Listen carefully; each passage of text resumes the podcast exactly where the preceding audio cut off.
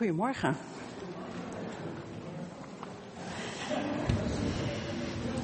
Ik vind het heel bijzonder om uh, weer hier in de gemeente uh, te staan. Het is behoorlijk wat jaren geleden, memoreerde net iemand aan mij. Uh, en het voelt als thuiskomen bij de Open Thuisgemeente. Maar daarover straks, straks meer. net werd door de zangleidster al aangegeven dat het vakantietijd is geweest. dat we misschien wel een tijd van rust hebben gehad. Of misschien voor een, een aantal van ons juist een uh, tijd van enorme stress.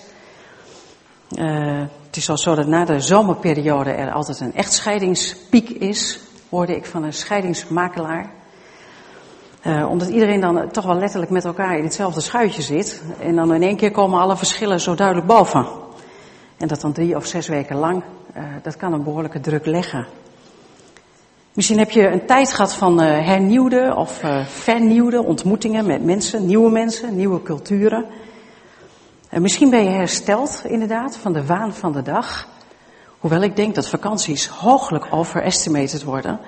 omdat ik denk dat je vaak niet bij kan komen in die vakantie. Vakantie is vaak vermoeiender denk ik dan, dan de tijden van daarvoor. Maar goed, en misschien heb je wel een tijd van verbinding, opnieuw verbinding gehad met je echtgenoot, met je kinderen, of met God. Of misschien ook juist niet. En ik zou het met jullie over vier woorden willen hebben uh, vanochtend. Uh, ontmoeten. En dan bedoel ik ook echt ontstreepje moeten. Ontwikkelen. Verbinden.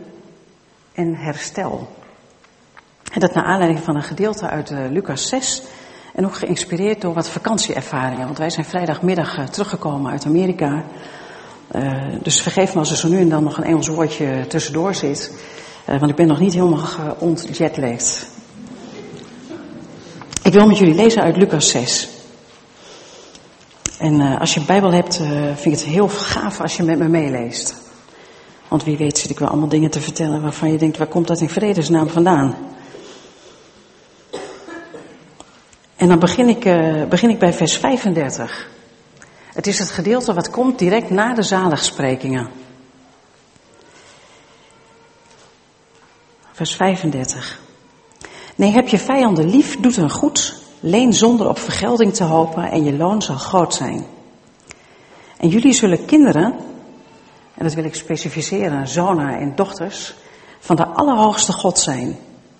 Want God is goed jegens de ondankbare en de boze. Wees barmhartig, gelijk je vader barmhartig is. En dan gaat het over God de Vader. Oordeel niet, en jij zult niet geoordeeld worden. En veroordeelt niet, en jij zult ook niet veroordeeld worden. Laat los, en jij zult losgelaten worden. Geef, en jou zal gegeven worden. Een goede, gedrukte, geschudde, overlopende maat zal men in uw schoot geven.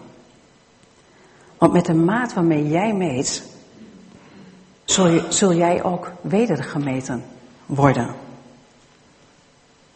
En dan gaat de Heer Jezus door met de gelijkenis van de balk en de splinter. Dan mag je thuis lezen. Toen we naar Amerika gingen, twee weken geleden, we gingen op een donderdag weg. We kwamen ook op een donderdag aan, dus dat is ook al wat verwarrend. Uh, hadden we besloten om uh, op zondag naar de kerk te gaan in San Francisco. En uh, in onze reisgids stond een verhaal over de Glide Church. Een big movement, een echte beweging die zich inzette voor de mensen in de wijk. Want we zaten in een hotel op de rand van een, wat wij dan noemen, linkerwijk. En die kerk speelde daar een hele belangrijke rol. We hoorden dat ook tijdens een tour die we deden met een bus. Dat de mensen uit die kerk, die, die zorgden echt voor de mensen in de wijk. Het was een probleemwijk met uh, heel veel werkeloosheid, heel veel armoede, um, uh, een forse seksbusiness en allerlei andere problematieken. Uh, Zwart-blank problematiek, veel homoseksualiteit, travestie. Kortom, een gemeente waar, uh, die in een wijk stond waar van alles en nog wat aan de hand was. En juist om die reden hadden Lieselot, mijn dochter en ik zoiets van, hé, hey, daar gaan we naartoe. En uh, in onze zoektocht naar die kerk, we liepen door die wijk en uh, ik weet niet of u Amerika een beetje kent, maar het zijn allemaal grote straten, alles is, alles is bigger, alles is groter. En we konden de kerk niet vinden. En op een gegeven moment dacht ik, nou moet toch maar iemand vragen. En er stond een hele prachtige, slanke negervrouw in een grijs mantelpakje. dus ik vroeg haar, ma'am, do you know where Glide Church is? Well, lady, you're right there. En het was een travestiet. Oké. Die zat voor in de kerk vervolgens. Want die was actief deelnemend. En volgens mij zat ze zelf, hij zei, zij zelfs in het, uh, in het ouderlingenbankje. Als ik mij niet heb vergist. En eenmaal in die kerk, we kwamen daar binnen, we zagen een enorme dwarsdoorsnede van precies de mensen die in die wijk zaten. Blank en zwart. We zagen heel veel arme mensen. we zagen mannen en vrouwen, maar we zagen ook heel veel homoseksuelen. Heel veel travestieten. Uh, de mensen die rijk waren, uh, zoals wij, worden toch als rijk gezien als buitenlander, bleken vooral buitenlanders te zijn die van over de hele wereld naar deze kerk waren gekomen. Omdat deze kerk, daar ging een, een geur van uit, werd gezegd. En iedereen wilde daarbij zijn. En in de eerste instantie, moet ik eerlijk zeggen, was ik diep ontroerd. Omdat ik dacht, hier zitten de doelgroepen waar Jezus voor komt. En als ik het vertel, word ik nog ontroerd. Ik denk zo, daar zit, hier zou Jezus willen zijn. Voor deze mensen is hij gekomen. Voor jou, voor mij en voor hen. Iedereen was blijkbaar welkom just the way they were, so to say. En in de dienst begon dan ook een heel verhaal over acceptatie, respect, we shall overcome. Uh, met elkaar samen in beweging zijn. Kortom, na een tijdje kreeg ik een beetje buikpijn, want ik denk, oeps, dit is een volledig social gospel dit gaat over mensen en totaal niet over God. En precies dat was het moment dat mijn dochter naar me keek en die zei: Mam, het hoort toch in de kerk over God te gaan? Precies, lach er maar om. Het ging helemaal niet over God. Het ging in deze kerk niet over God. Het ging eigenlijk over alles, over alles behalve over God. Dus daar zaten we in een, in een dienst die een samenkomst was, die eigenlijk wat mij betreft ook een dienst had kunnen zijn, of een samenkomst had kunnen zijn van de Rotary of the Lions. Waarin mensen wel verschrikkelijk enthousiast waren, uh, uh, hard voor elkaar hadden. Ik ben nog nooit zo hartelijk verwelkomd door wildvreemde mannen en vrouwen en de hele rest. Uh, waarin we hand in hand liederen hebben gezongen als We Shall Overcome. Dat is een heerlijk lied, hè, zegt niks. Waarin we elkaar de vrede, shalom en van alles en nog wat hebben toegewenst maar waarin Christus ontbrak. We hebben zelfs gedanst, maar waarvoor eigenlijk? Voor wat? Voor wie? Nou, die dienst riep heel veel vragen bij me op. En eigenlijk ben ik de hele rest van de vakantie daarmee bezig geweest.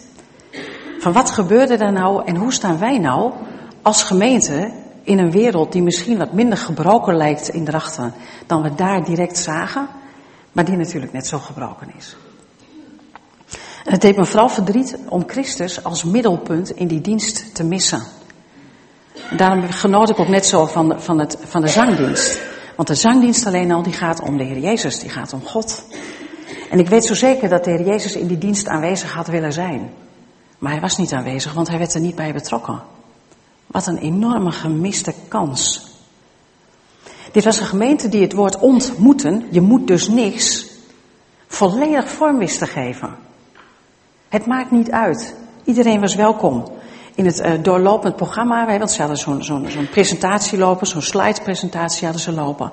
Uh, zag je, hè, de, maandag was de, bij, de Bijbelstudie voor de vrouwen, dinsdag was voor homo's en travestieten. Uh, en, en zo liep het gewoon door. Het leek zo mooi. En het was alleen maar gericht op dat contact van mensen met elkaar. Aan de ene kant prachtige begrippen, Prachtig om dat mee te maken. Prachtig om te zien dat mensen elkaar accepteren. En aan de andere kant een diep buikpijngevoel van. En hier mist de kern. Hier mist waar het allemaal om draait. Als de Heer Jezus daar was geweest, dan was er een werkelijke ontmoeting geweest.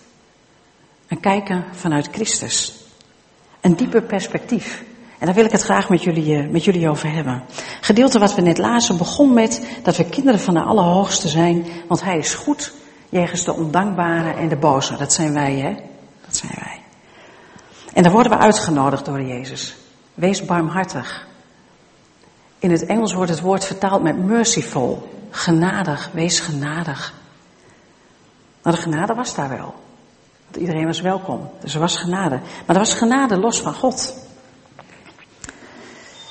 Als gemeente van Christus willen wij, als christen wil ik, heel graag een verschil maken in deze wereld. En we zoeken als gemeente, denk ik ook, en ik weet dat ook van jullie, dat jullie zoeken naar de vorm hoe je dat dan moet doen. En een van de manieren die de Heer Jezus ons hier voorhoudt, is door barmhartig te zijn. Merciful, genadig te zijn. Voor jezelf en voor de ander. Want pas dan kunnen we stoppen met oordelen. En pas als je stopt met oordelen, ga je elkaar echt ontmoeten. Want op het moment dat ik voel dat ik veroordeeld word, dan ga ik niet de ontmoeting aan. Want ik voel dat ik weer van alles en nog wat moet. Ik moet gedoopt worden. Ik moet mij aan regels houden. Ik moet naar diensten. Ik moet van alles en nog wat. Terwijl als je kijkt naar de Heer Jezus, zegt de Heer Jezus dat er niet zo heel veel moet hoor. Ja, God liefhebben boven alles. En je naaste als jezelf. En, en zijn volgelingen daagt hij uit van, joh, hou nou eens op met oordelen. Wees nou eens gewoon barmhartig. Kijk nou eens naar de ander zoals ik kijk, zegt Jezus. En dan komt de vraag naar ons toe, hè. Willen wij zo zijn als kerk? Ik werd er een keer gevraagd door een, een hele andere kerk. Hele andere signatuur, hele andere achtergrond. Maar ze hadden wel een evangelisatiecommissie. Uh, die, lag al, die lag al jaren op zijn uh, achterwerk. En uh, ik mocht daar wat inspirerende woorden spreken. En toen ik binnenkwam dacht ik, als ik hier als vreemde, niet gelovige binnen zou komen, zou ik mij hoogst ongemakkelijk voelen. Ik zou mij niet thuis voelen. En toen begon ik ook met de vragen van jongens, zou het niet veel makkelijker zijn als we niet zouden evangeliseren, geen mensen de kerk in zouden halen, want dan hebben we gewoon de rust van met onze eigen club zijn. En eigenlijk was 80% van de dames die daar aanwezig was het met me eens. Je kunt je voorstellen dat daar aan evangelisatie niet veel gedaan wordt. Want mensen vanuit de wereld je kerk binnenkrijgen, betekent onrust. Want dan gaat het niet meer allemaal volgens het boekie. En dat vinden we lastig. Dat vinden we heel lastig. Wat zijn wij voor een kerk? Zijn wij een kerk die, die, die ontmoeting aan wil? Of zijn we de kerk die, als mensen de ontmoeting dan aangaan, vervolgens met een set met regels komen en zeggen, nou dan moet je het wel zo doen, want dan mag je erbij horen. En misschien krijg je dan ook nog een taak. Echter, doe je het niet zo, dan houden we jou wat in de zijlijn. Dat is namelijk veiliger voor onszelf. Zijn we een kerk die open durft te staan, of zijn we een kerk die eigenlijk vol zit met christelijke traditie? Zijn we een kerk die vrijheid biedt, of zijn we een kerk die wil bepalen en beperken en inperken? Uh, uh, met dingen die voor onze cultuur heel belangrijk zijn. Het was voor mij verwarrend. Jullie weten wel, ik, sta voor de ChristenUnie uh, hier in de Raad. wij staan voor een niet werken op zondag. Ja, dat doen we vanuit, vanuit de Bijbel met gedachten van God heeft ook een dag gerust. Die rustdag willen we respecteren. is goed voor het gezin. Focus kunnen, kunnen focussen op de Heere God. Dat is gezond. In Amerika werkt iedereen op zondag. Christen of niet christen, dat boeit niet. Het idee dat je op zondag niet naar een winkel kunt, vinden ze belachelijk. Vinden ze zo raar? Ik zeg van, ja, maar dat doe je toch niet als christen, doe je elkaar dat toch niet aan? Je werkt toch de hele week, wanneer moet je dan winkelen? Nou, dat doe je toch op zondag? Ja, maar vanuit mijn cultuur niet. Vanuit hun cultuur wel. Nou, sommigen van jullie weten dat ik gestudeerd heb in België. Uh, ik hoorde daar dat de ouderlingen van een bepaalde kerk, die gingen nadat ze met z'n allen een, raadsvergadering, zo'n ouderlingenvergadering hadden gehad, gingen ze even naar de kroeg om een pintje te pakken. Dat hoorde er gewoon bij. En de kroegbeheerder die wist dat. Ah, daar komen de ouderlingen van de evangelische gemeente. Die gaan even een pintje pakken hier. En dan werden er nog even wat puntjes op de i gezet. Dat deden ze al jaren. Ik, ik merk dat het hier ook wat. Uh...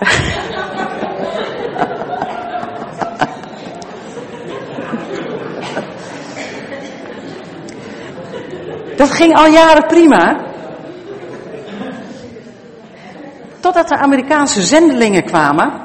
Want die Amerikaanse zendelingen gingen die kerk ondersteunen. En bij de eerste raadsvergadering was die Amerikaanse zendeling daar ook aanwezig. En die werd dus meegenomen, ja, je snapt het al, naar de kroeg. Maar Amerikaanse christenen in heel veel kringen, zeker baptisten, die drinken niet. Dat drinken, dat is absoluut van de boze. En het idee dat je als ouderling het voorbeeld geeft van naar een kroeg gaan. Nou, dat was, dat was het allerergste. En je merkte dat door de oordelen die er waren over en weer, want die Vlamingen die vonden dat maar overdreven. Die dachten, nou ja, nou ja, die Jenken, dat is toch maar een apart volk. En die Amerikanen dachten van, wat zijn het daar een heidenen? Wat een heidenen zijn er daar in België, zeg. En de oordelen over en weer maakten het samenwerken verschrikkelijk moeilijk. En de Heer zegt, wees barmhartig en oordeel niet.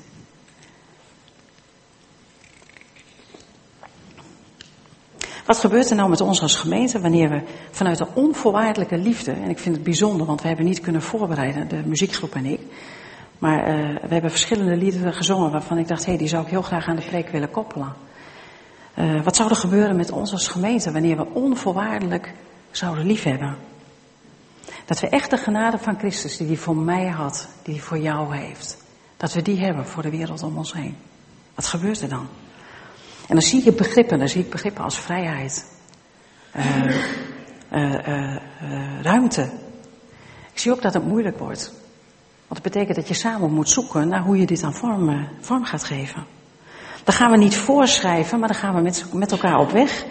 In de wetenschap dat God met ieder, met ieder van jullie, hè, zoals je hier zit, met mij, zijn plan trekt. En dat ik dat dus niet hoef te regelen voor de ander, of dat voor moet schrijven, maar dat God dat doet door zijn geest in die ander. En misschien ken je dat wel in je eigen leven. Dat mensen je wel eens hebben gezegd van, joh, dat moet je niet doen, daar moet je mee stoppen. En dat jij dacht, nou, dat zou ik nog wel eens even zien. Ik zie daar nu nog niet zo van in. Ik zie in ieder geval wat jongeren nu knikken. En op een gegeven moment overtuigt God jou zelf. En dan is het goed. Want dan komt het vanuit God, niet vanuit mensen. Als ik kijk naar de Heer Jezus, als hij bij de Samaritaanse vrouw, jullie kennen vast het verhaal wel, daarom heb ik hem niet gelezen. Als Jezus de Samaritaanse vrouw bij de bron ontmoet op dat uur dat daar niemand is.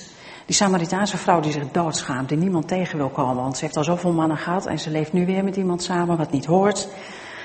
Uh, die weet wel beter, die heeft helemaal geen zin om veroordeeld te worden, dus die gaat water putten op een moment dat niemand daar is. En dan ontmoet ze Jezus daar. En dat is echt een ontmoeting. De heer Jezus veroordeelt haar niet. De heer Jezus gaat met haar in gesprek. En dan zeggen mensen tegen mij, joh, maar Marja, als je nou eens wist hoe die man of vrouw leeft. Wat die allemaal uitstukt. Als je dat eens zou weten. Als je eens wist wat mijn kinderen mij allemaal aangedaan hebben.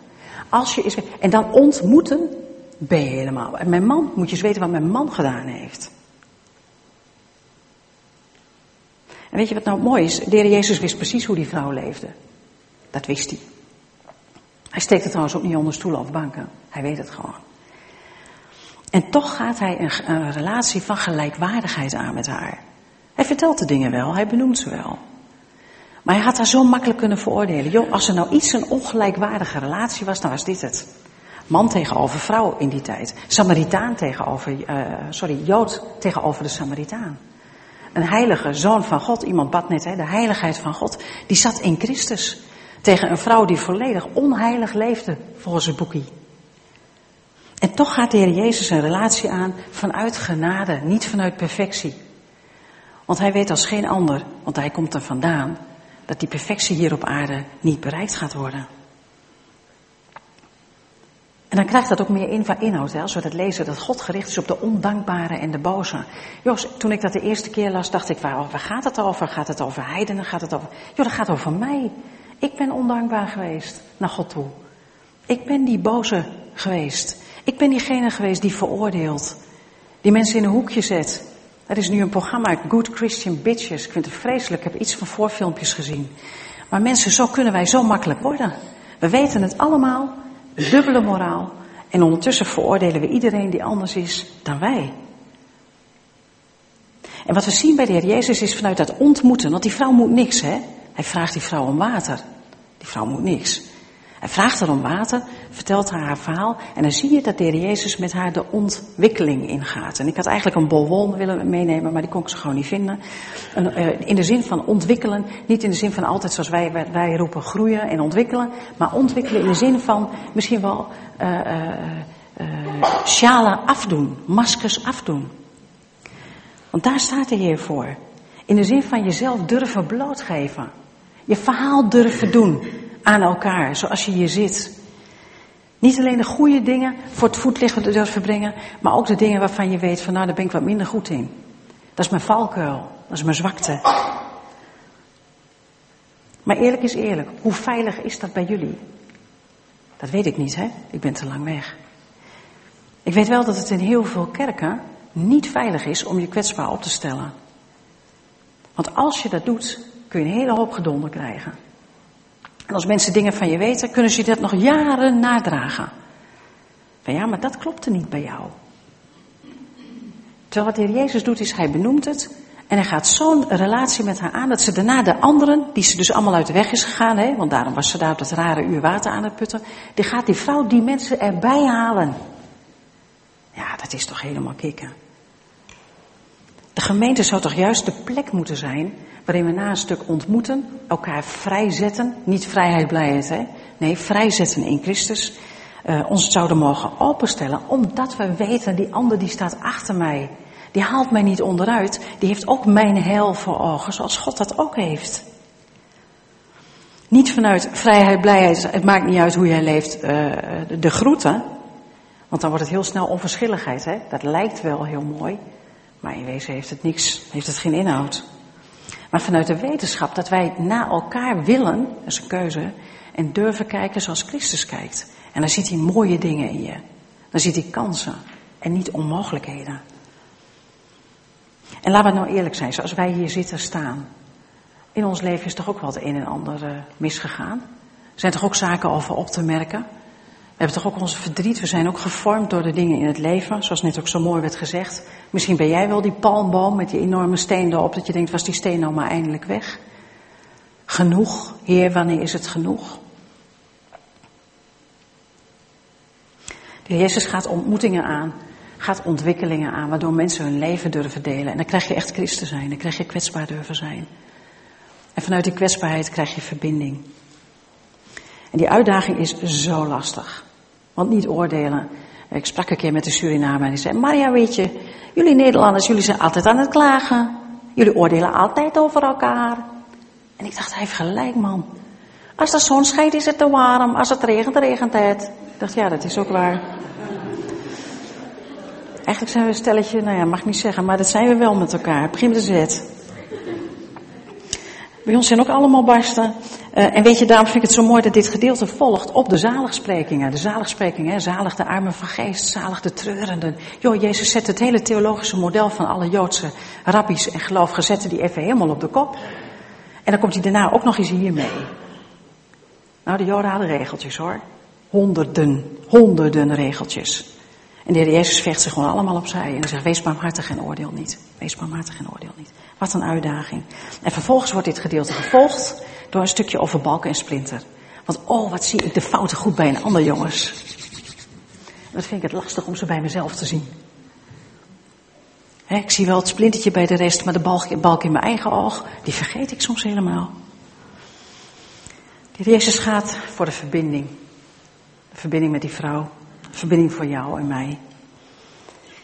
Maar hoe doe je dat dan? Hoe ga je je verbinden met iemand die zo anders is dan jij? Want laat ik eerlijk zijn, ik was er even af toen die hele lage stem uit die hele mooie mevrouw kwam. Ik was er even af. Ik ben er soms even af als ik zie wat mensen doen. En daarna weer vrolijk verder leven met elkaar. Terwijl ik denk, joh, heb je wel door wat je gedaan hebt? Heb je eigenlijk wel door hoeveel pijn je de ander hebt gedaan? En voor ik het weet zit ik ook in mijn oordeelsmodus.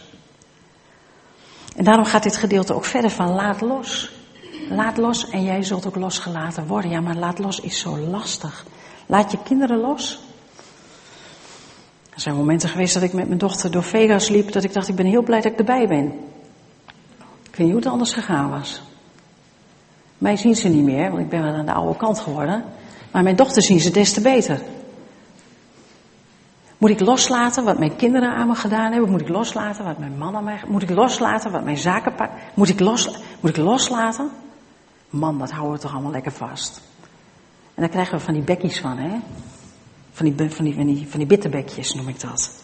In plaats van bitterkoekjes. Jezus geeft dus het antwoord, joh, als jij je echt wil verbinden met de ander, dan moet je durven loslaten. Dan moet je durven loslaten, zodat je echt vanuit een open houding naar die ander kan gaan. De heer Jezus heeft dat ook gedaan. Hè? Die heeft alles losgelaten.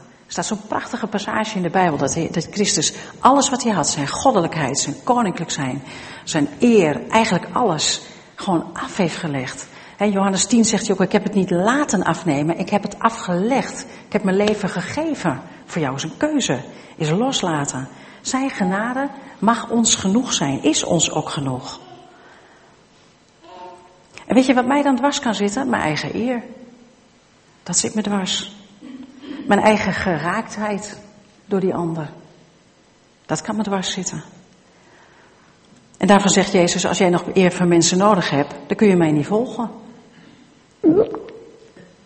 Nou, duidelijker kan het niet. Dus daar heeft Jezus niks mee. Korte metten maakt hij daarmee. Soms kun je de ander zo veroordelen dat je ervan walgt. En dan zegt de Heer Jezus, laat los. Laat los. Niet omdat jij er zo goed in bent, maar omdat ik genade heb getoond. En mijn genade is genoeg. Weet je, het is helemaal niet zo moeilijk, en dat staat ook in het voorgaande gedeelte. Het is helemaal niet zo moeilijk om je te verbinden met mensen die net zo denken als jij. Dat is eigenlijk heel makkelijk. Dat gaat ook uh, een fluitje van de cent. Het wordt pas moeilijk als die ander heel anders denkt en voelt en wil dan dat wij voelen en denken en willen. En dan wordt het lastig, want dan zijn we toch wel heel erg vanuit ons eigen denken gericht.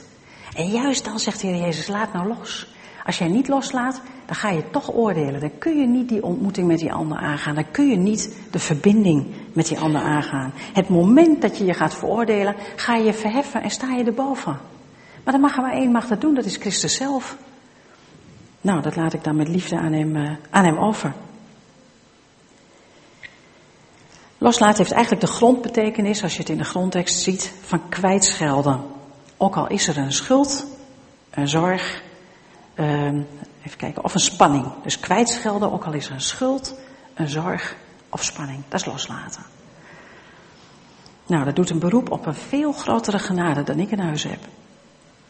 En dat maakt me heel nederig, want dan weet ik, ja, die genade kan ik alleen maar krijgen wanneer ik terugga naar mijn bron. Ik heb begrepen dat dat jullie jaarthema ook wordt. Wanneer ik terugga naar mijn bron en mijn bron is Christus. En dan mag je weten dat Christus het door jou heen gaat doen. Want zelf kun je dat helemaal niet, joh. Kennen jullie het verhaal van Wilhelmina en de, vinger, de vingerkommetjes? Koningin Wilhelmina, of niet? Wie, wie kent dat? Eentje, ja. Oké. Nou, dan ga ik hem wel vertellen, want kijk, als iedereen hem nog kent, dan is het niet meer leuk. Um, nou goed, jullie weten allemaal, het Koninklijk Huis is heel goed op de hoogte van alle etiketten. er zijn heel veel regels. Je eet je bestek van buiten naar binnen. Ook als er twaalf zijn, je begint altijd aan de buitenkant. Nou, zo zijn een heleboel regeltjes. En bij sommige gerechten krijg je een vingerkommetje. En daar zit dan wat water in en een klein schijfje citroen. En als jij dan je kreeft hebt gegeten of je, je swims, je, je, hoe heet die dingen, garnalen, dankjewel.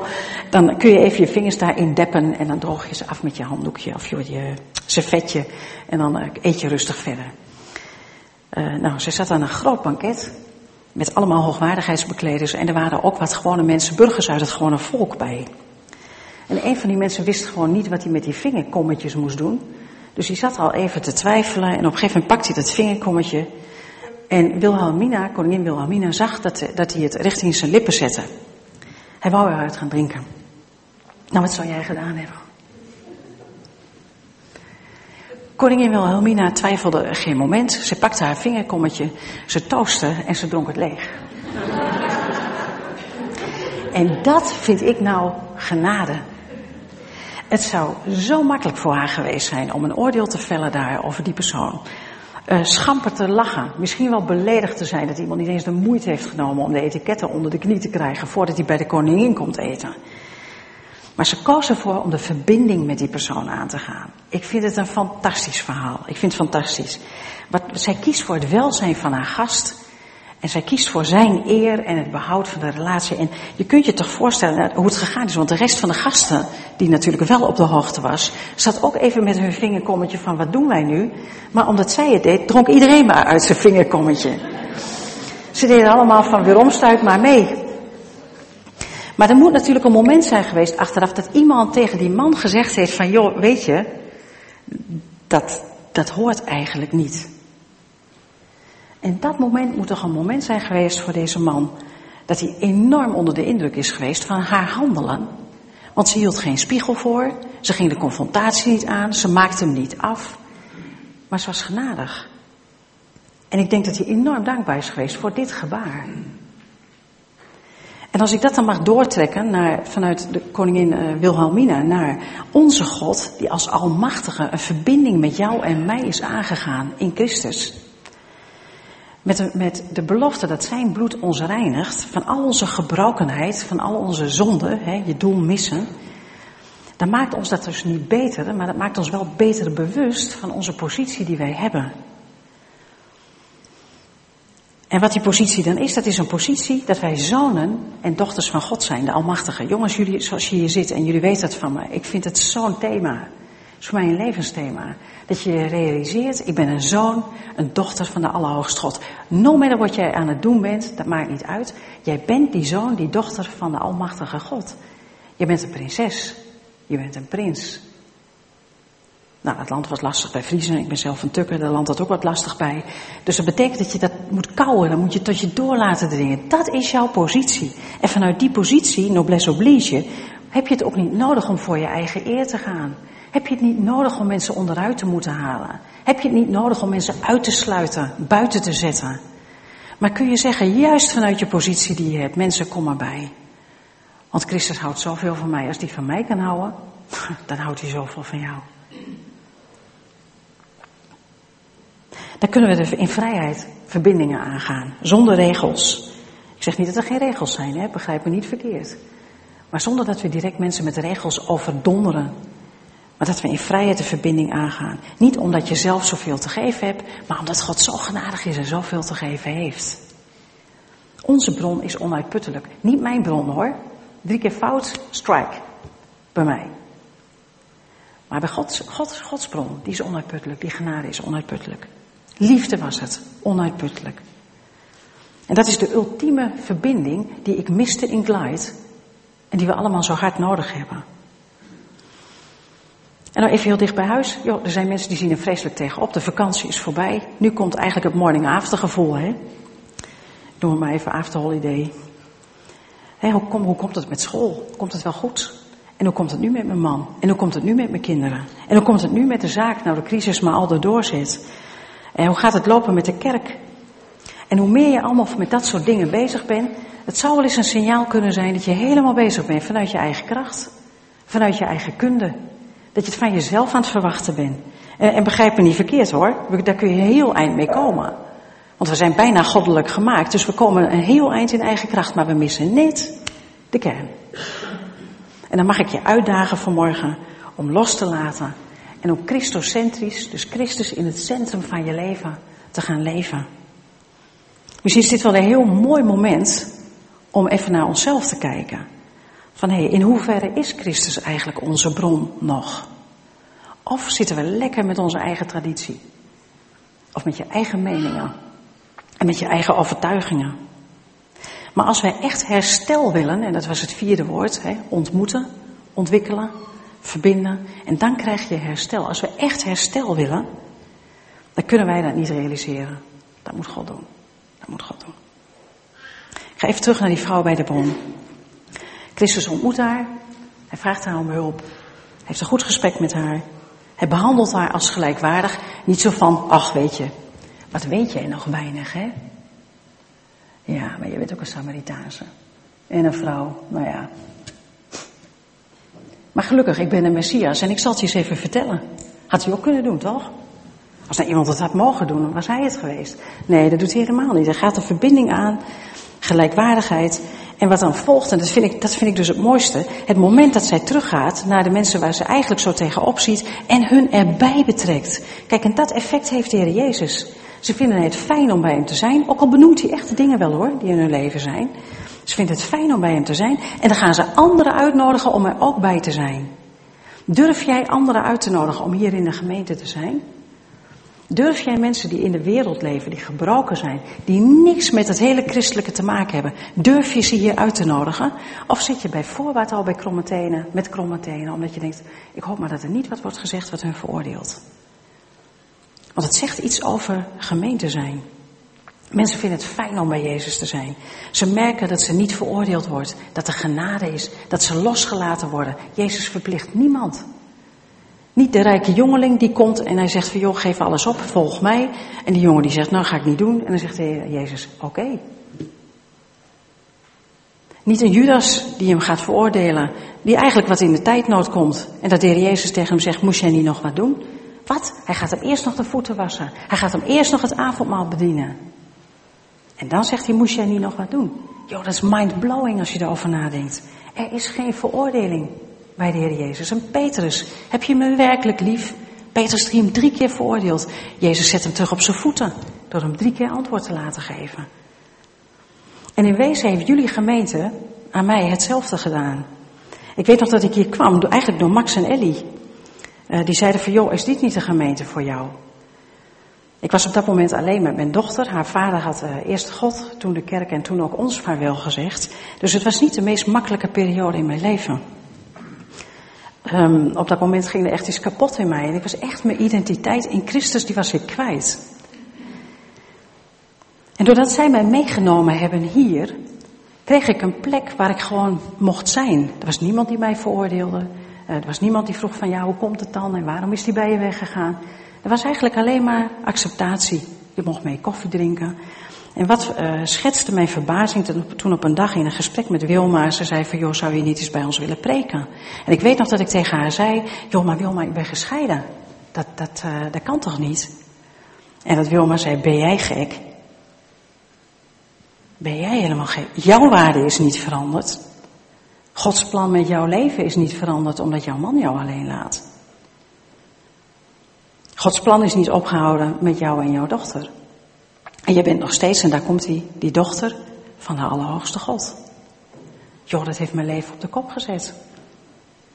Ik heb deze gemeente ervaren als een, eh, een keerpunt in mijn leven, als een, eh, een warm bad, als een plek van herstel. En daar ben ik uh, God nog steeds dankbaar voor, maar ook jullie als gemeente. En dan hoop ik zo dat het niet alleen maar is naar mij, want ik ben dan, zoals dat zo mooi heet in, in christelijke kringen, schuldloos gescheiden.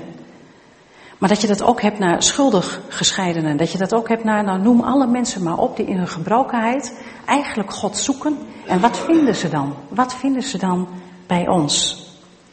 Man, u moest eens weten, ik verlang zo naar herstel voor deze wereld. Echt. Ik verlang zo naar herstel voor de gebrokenheid die ik om me heen zie. In deze wereld die ziek is, die verziekt is. En dat is alleen maar mogelijk als we dit toepassen. Barmhartigheid, niet oordelen, los durven laten. En van daaruit dan ook nog, hè, dat laatste, durven te gaan geven. Geven aan die mensen die jou beschadigd hebben. Geven aan de mensen die jou onderuit hebben gehaald. Geven aan de mensen die zo anders denken dan jij. Dat je denkt van, joh, ik moet eerst eens even beginnen met jouw mindset te veranderen. Dat moet eerst maar eens even. En dan misschien gedoopt en dan misschien het avondmaal. Nee joh, God trekt met iedereen zijn plan. En wij lopen God regelmatig in mijn beleving voor de voeten. Dat kan alleen maar vanuit je identiteit in Christus. Als ik dat gedeelte lees wat vervolgens op, op, op die balk en splinter, hè, Jezus gaat gewoon mooi door, ik kan niet de hele Bijbel pakken helaas, maar eh, dan staat daar een verhaal over de boom, dat je de, aan de boom, en die geeft vruchten, en aan die vruchten herken je of de boom goed is of fout. Mensen, wij kunnen geen boom veranderen. Ik kan zorgen voor goede aarde, ik kan water geven. Ik heb niet zulke hele groene vingers, maar dat kan ik allemaal wel met mijn plantjes. Maar ik kan niet een boom van, van, van identiteit veranderen. En dat is maar goed ook, want dat moeten we aan God overlaten. Dat is Godse zaak. En dan zie je dat God dat ook doet dat wij de vrijheid mogen bieden aan mensen om er te zijn. En dat mensen in het optrekken met de gemeente erachter komen van, joh, maar dit klopt niet in mijn leven, dat wil ik anders. Geweldig, ga ervoor. En dan is de gemeente dat warme bad. Een open thuisgemeente is een gemeente die een plek biedt voor iedereen. Voor mensen van alle slag. Rijk en arm, uh, uh, zwart en blank, man en vrouw. En ik hoop ook uh, gender divers. En het is een lastige. Ook onze boodschap is een lastige. Want ik kom er steeds meer achter dat mijn boodschap, en dat bedoel ik de boodschap van het evangelie, van dat we vergeving van zonde nodig hebben, niet meer aansluit bij de mensen in de wereld met wie ik optrek. Die hebben geen idee waar ik het over heb, joh. Uh, een groot deel van de Nederlanders weet niet wat kerst is, weet niet wat uh, Pasen is, weet niet wat Pinkster is. En dan komen wij met een boodschap die voor ons zo helder is, die zo belangrijk is, waar we zo enthousiast voor zijn. En tegelijkertijd die we niet kunnen vertalen.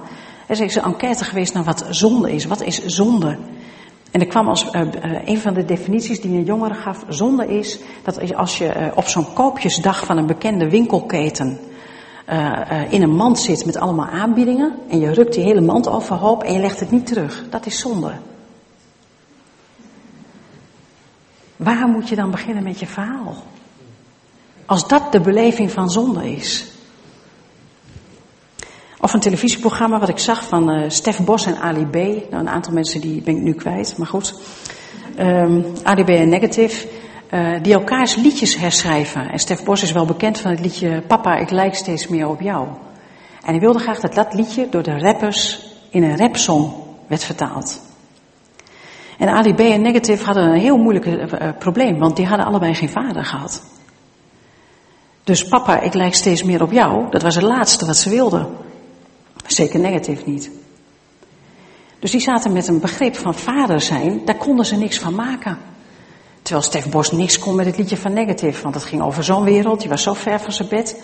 En je zag ze stoeien om van die liedjes liedjes te maken. Nou, het was gewoon een heel mooi moment waarbij ik me dan ook realiseer, als dat zo is, dan kunnen wij onze boodschap van God als liefdevolle vader, terwijl eh, hoeveel, hoeveel procent, ik geloof meer dan 40 procent van de Nederlandse mensen uh, zit in een echtscheiding of is gescheiden of is hertrouwd. Of, dat is een enorm aantal. Dat is bijna de helft. En heb je het over vader zijn. Vaders die vreemd gaan, vaders die je alleen laten, vaders die slaan, vaders die incest plegen. En dan is God je vader. Nou, dankjewel alstublieft. En spoelt u maar. Dus wij hebben woorden, begrippen, concepten waar de wereld heel weinig meer mee kan. En dat moeten we ons bewust zijn, want anders raken we ze kwijt. Eigenlijk willen we mensen interesseren voor een boodschap die het heil brengt, die rust brengt, die vrede brengt, het goede brengt, maar die voor hen geen enkele betekenis heeft. En dan kom je terug bij dit gedeelte, mensen. Dan kun je theologisch allemaal nog zo goed op een rij hebben, prachtige verhalen houden, maar dan zullen ze kijken naar ons leven. Hoe leven ze? En dan gaan ze iets zien. En wat zien ze dan bij ons? Zien ze dan een open thuisgemeente van liefde en genade, barmhartigheid, die niet veroordeelt, maar waar je echt welkom bent en waar je jezelf mag zijn. Waar je je eigen groeiproces ook mag hebben. Ja, maar die mensen die gaan samenwonen. Nou ja, dat is dan zo. Dat is hoe zij denken. Dat is hoe zij denken. Je kunt vertellen wat je denkt dat de Bijbel daarover zegt. Je kunt ermee in gesprek gaan.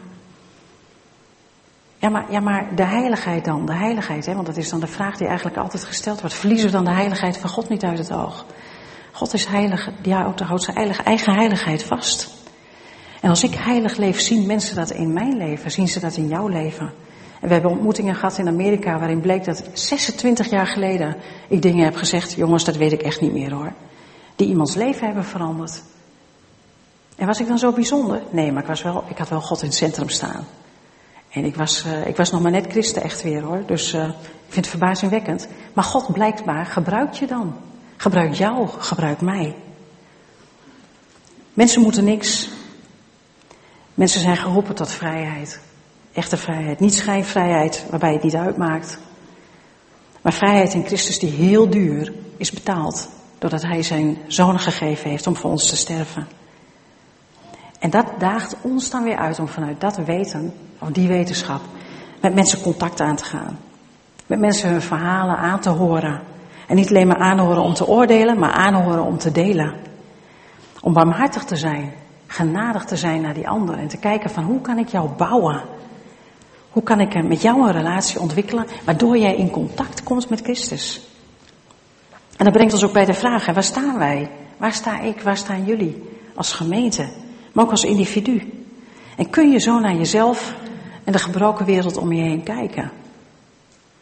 Zijn wij de brug die mensen zo hard nodig hebben om dat evangelie te kunnen snappen? Of zijn wij de deur, en dan is niet meer Christus de deur, maar dan zijn wij de deur waardoor mensen vooral de kerk niet zullen binnengaan. Zijn we gemeente die wel opgeschud durft te gaan worden door mensen binnen te halen die misschien anders zijn dan wij? Of willen we een soort veilige country club blijven? Waar mensen die niet net zo zijn als wij, gewoon niet welkom zijn. We vragen vaak, uh, what would Jesus do? Maar ik denk dat we terug moeten naar, what did Jesus do? Wat deed hij werkelijk? En daarna kijken. Laten we bidden.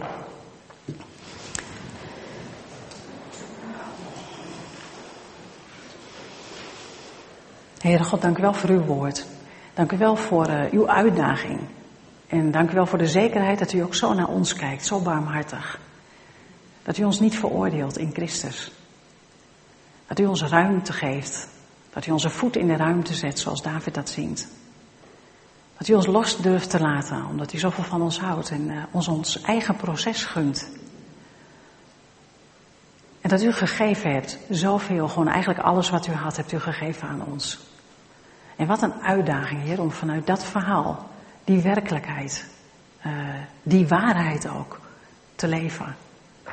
En Heer, daar zijn we allemaal onderweg, allemaal op onze eigen manier. En we zullen allemaal tijdens dit, deze spreekbeurt uh, dingen hebben gehoord waarvan we dachten, oh, misschien moet ik daarmee op letten, of misschien vind ik dat moeilijk. Of... En dat mag. Want u bent met ons bezig met uw geest. En u bent ons aan het opschudden. U bent ons aan het sterk maken. U bent ons karakter aan het vormen. U bent ons als gemeente aan het vormen. En dan bidden we voor die genade van u. Dat wij die handen en voeten mogen geven in het leven van alle dag. De komende week. Naar elkaar. In onze gezinnen. In onze bedrijven. In elk contact wat we hebben met de anderen. En Heer, dan is mijn hartsverlangen dat we niet een deur zullen zijn waar een ander tegen oploopt. Maar dat we een brug zullen zijn. Een open thuisgemeente. Amen.